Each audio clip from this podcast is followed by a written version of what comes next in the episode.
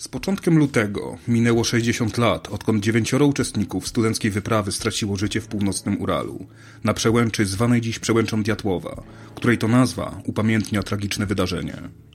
Prokuratura Generalna Rosji ogłosiła w zeszłym tygodniu, że wznawia śledztwo dotyczące tajemniczego zdarzenia. Rzucam jej zatem rękawice i sprawdzam, zaś z czasem okaże się, na ile moje domysły będą się pokrywać z ustaleniami rosyjskich śledczych. Otor ten, czyli po polsku nie idź tam, góra w północnym Uralu. Dziesięć kilometrów od niej wznosi się Czołat Czachl, czyli góra umarłych. Pomiędzy nimi znajduje się tajemnicza przełęcz, która stała się miejscem śmierci dziewięciu młodych ludzi. Tak rozpoczyna się większość budzących grozę i lęk opowieści o tragedii. Już na samym starcie mijają się z faktami.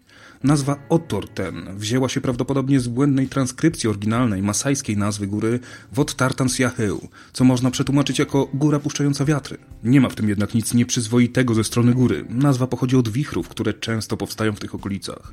Nazwa drugiego szczytu, Góra Umarłych, powstała zaś dopiero po tragedii. I tak samo było ze wszystkimi 75 alternatywnymi próbami wyjaśnienia przyczyn. Wśród nich możemy usłyszeć o kosmitach, Yeti i próbach nuklearnych. Brzytwa Hitchensa mówi nam, że co może być przyjęte bez dowodów, może bez dowodów zostać odwrócone, lub w prostszej wersji pokaż kwity, albo idź się pochlastać. Więc nie będzie dziś zbyt wiele o przybyszach z Zeta Reticuli, a skupimy się na tym, co wiadome. A że twardych dowodów wcale tak mało nie ma, to i jest z czego wnioskować. Tradycyjnie dodatkowe materiały znajdziesz w opisie odcinka, jak i na stronie podcastu Sprawdzam Studio. Dziewiątka doświadczonych alpinistów z Diatłowem na czele zaplanowała około 300-kilometrową ekspedycję z okazji 21 zjazdu partii. Szczytny cel zapewne pomógł w sfinansowaniu wyprawy. Po raz ostatni mieli kontakt z cywilizacją 27 stycznia, zaś wrócić do niej mieli nie później niż 12 lutego. Gdy ekipa nie dała jednak znaku życia, rozpoczęto przygotowania do wyprawy ratunkowej, która 26 lutego odnalazła namiot ekipy. Pusty, częściowo przysypany śniegiem oraz rozcięty nożem od wewnątrz. Dopiero następnego dnia odnaleziono ciała pięciu wędrowców. Bose, ubrane w bieliznę, setki metrów od namiotu, z obrażeniami, w tym z pęknięciem czaszki, które jednak według lekarzy nie były bezpośrednim zagrożeniem dla życia. Osoby te zmarły w wyniku wychłodzenia organizmu. Ślady przez nie pozostawione wskazywały, że próbowały one wrócić do namiotu. 4 maja, po ponad dwóch miesiącach, odnaleziono kolejne cztery ciała, które były ukryte pod warstwą śniegu.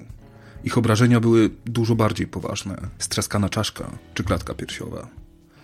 W roku 2009 szambo wybiło. Rosyjscy dziennikarze śledczy dostali się do niepublicznych dotąd dokumentów ze śledztwa. Papiery zawierały wiele błędów i sprzeczności, pokazywały niesamowitą wręcz niechlujność. Sięgnijmy jednak po jeszcze jedno narzędzie tnące brzytwę Hanlona. Mówi ona, by nie domniemywać złej woli, jeżeli rzecz można dostatecznie wyjaśnić głupotą. O ile błędy były faktycznie karygodne, doszło nawet do zamiany zwłok, to nie mając porównania do innych postępowań ze śmiercią w tle, niepoprawnym jest wnioskować, że fuszerka w pracach była sytuacją wyjątkową. Jedna z hipotez sugeruje, że członkowie ekspedycji zginęli w wyniku wojskowych ćwiczeń lub testów broni. Tłumaczyłoby to błędy w dokumentach, ponieważ mogło być intencją śledczych, by zatrzeć ślady po nieplanowanej zbrodni. Jednocześnie jest to modelowy przykład niemalże wszystkich hipotez nie z tej ziemi. Czegoś jej brakuje. Na przykład śladów po bombach czy rakietach. Oczywiście możemy założyć, że pomiędzy śmiercią ekipy a przybyciem ekipy ratunkowej przyszli żołnierze z grabiami, zabrali pozostałości bomb, całość ładnie wygrabili, zostawiając tylko ciała oraz ślady drużyny Diatłowa. W alternatywnych wyjaśnieniach zawsze czegoś brakuje. Kosmici? Yeti? Tubelcy? Zawsze czegoś nie ma. Dlatego możemy je bezkarnie odciąć brzytwą Okama, która sugeruje, że najbardziej prawdopodobne są wyjaśnienia, które mają najmniej założeń. Spróbujmy zatem ulepić intrygę z tego, co znaleziono na miejscu, czyli ciała, namiot i śnieg dużo śniegu. Hipotezę lawiny odrzucono już w 1959 roku, krótko po odnalezieniu pierwszych ciał. Ratownicy pracujący na miejscu nie doszukali się śladów zejścia lawiny. Samo zbocze było również łagodne i niezbyt lawiną przychylne. Przeczyć temu mają również narty, które ratownicy zastali wbite w śnieg tuż koło namiotu. Natomiast przemawiały za nią przede wszystkim obrażenia, niezwykle charakterystyczne dla ofiar lawin śnieżnych. Lawina jednak lawinie nierówna, co dokładnie opracował Jewgenij Bujanow. W swoim artykule, do którego link znajdziesz pod odcinkiem, wykazał, że lawina nie musiała być ani duża, ani szybka, by wyrządzić takie obrażenia, jednocześnie nie czyniąc krzywdy przedmiotom wbitym w śnieg przed namiotem, takim jak kijki i narty. Ekspedycja przed rozstawieniem namiotu wycięła w śniegu na łagodnym zboczu półkę, aby móc rozstawić namiot na płaszczyźnie. Wcięcie to miało ponad dwa metry wysokości w najwyższym punkcie. Było ono wzmocnione bryłami mocno zbitego śniegu. W takiej konfiguracji nawet niewielka ilość śniegu, która spadłaby z tego wcięcia, jest w stanie pogruchotać czaszkę czy żebra. Z tego powodu w Polsce gospodarz ma obowiązek usunąć zalegający śnieg ze swojego dachu, by nie zagrażał przechodniom. Jednocześnie niewielka ilość śniegu, lecz odpowiednio ciężka, by niemal złożyć namiot ekipy i spowodować ciężkie obrażenia, nie miała potrzeby dalszego ruchu po tym, gdy trafiła na płaską, wyciętą półkę. Opracowanie Bujanowa ma sporo obrazków, które ułatwiają zrozumienie zjawiska, wyjaśnia też dokładniej dynamikę poruszającego się śniegu, która jest dużo bardziej skomplikowana niż może się wydawać. W jednym z bardziej sensacyjnych opracowań spotkałem się natomiast z twierdzeniem, że hipotezę lawiny należy odrzucić, ponieważ w tym miejscu bardzo rzadko zdarzają się lawiny. Znalezienie w nim brutalnego nadużycia na logice zostawiam tobie. Uczestnicy ekspedycji nie mieli sposobu, by upewnić się, co się stało. Coś ciężkiego przygniotło namiot i kilku ludzi. Nie ma czasu na namysł, trzeba uciekać, bo za chwilę może zasypać cały namiot. Nie ma czasu się ubrać, założyć butów, nawet otworzyć namiot. Zostaje on przecięty od wewnątrz ze strony przeciwnej do kierunku, z którego opadł śnieg. Ekipa wyciąga również swoich poranionych towarzyszy. Jak się później okazuje, część odzieży została użyta do prowizorycznego opatrzenia ciężej rannych, a także została nadpalona. Uczestnicy poświęcili swoją odzież, aby ogrzać swoich towarzyszy. Znalezienie dobrego, nieprzemokniętego opału w tych warunkach graniczyło z cudem. Czemu jednak nie wrócili po dodatkowy sprzęt czy ciepłe rzeczy do namiotu? Nim doszło do ucieczki, diatłowowcy musieli usunąć nadmiar śniegu przygniatającego ich towarzyszy. Zważywszy na temperaturę tej nocy, którą oszacowano na około 40 stopni poniżej zera, poważne odmrożenia pojawiają się już po 5 do 10 minut, do czego dochodzi czynnik psychologiczny, spotęgowany szokiem, wychłodzeniem, ciemnością i wyjącym wiatrem. Nierozważną decyzję o opuszczeniu namiotu przysłoniła kolejna, całkowicie bezsensowna trasa ich wędrówki. Warunki jednak nieustannie sprzyjały popełnianiu błędów. Po około 20 minutach marszu pojawia się nadzieja. Dwa okazałe cedry. Przystępują do próby rozpalenia ogniska. Bezskutecznie. Poddają się i kontynuują marsz. Wreszcie trafiają na bardziej zaciszne miejsce. Postanawiają rozpalić ognisko. Hipotermia daje się już mocno we znaki. Ogień się pojawia, lecz ślady oparzeń na ciałach ofiar sugerują, że nie koordynowali oni w pełni swych ruchów. Podtrzymanie ognia też przerasta ich możliwości. Ogień przygasa. Część ekipy podejmuje ostatnią desperacką próbę odnalezienia namiotu. Zamarzają po kolei, nie odchodząc szczególnie daleko.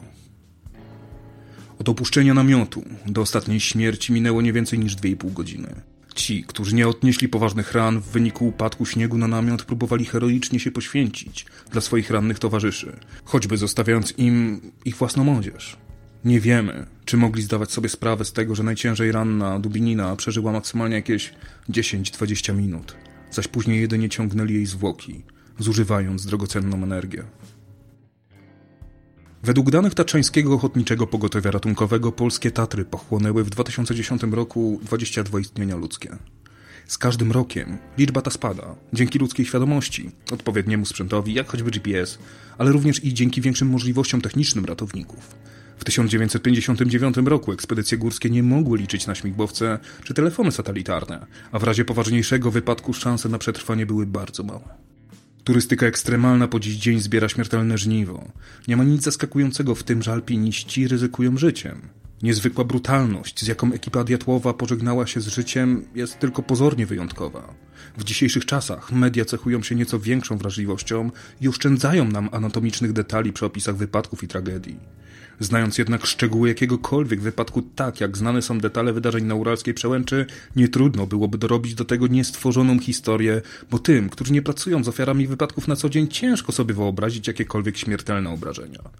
Każdego roku na całym świecie giną w wypadkach związanych ze sportami ekstremalnymi dziesiątki ludzi, a brutalność ich śmierci nie ustępuje tym, których doświadczyła drużyna Diatłowa. Jedyna różnica między nimi a bohaterami dzisiejszego odcinka jest to, że ktoś postanowił zrobić sensację, może wydać książkę, zarobić na niej. Śledztwo, wznowione przez rosyjską prokuraturę, ma wreszcie zamknąć zbędne spekulacje. Współcześnie mamy nieporównywalnie większą wiedzę dotyczącą ekstremalnych górskich warunków. Powtórna analiza danych medycznych pomoże nam zweryfikować, czy i gdzie śledczy przed 60 laty popełnili błędy.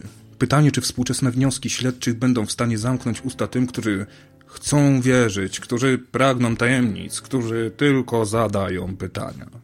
Na sam koniec zacytuję zaś samego Jewgenija Bujanowa z opracowania, które znajdziesz w opisie odcinka. Jest niewielka grupa aktywistów, która kopie w tym śmietniku, mając nadzieję znaleźć coś, w czym nie ma nic prócz podejrzeń. Nie bądźmy jak aktywiści, którzy kopią w śmietnikach.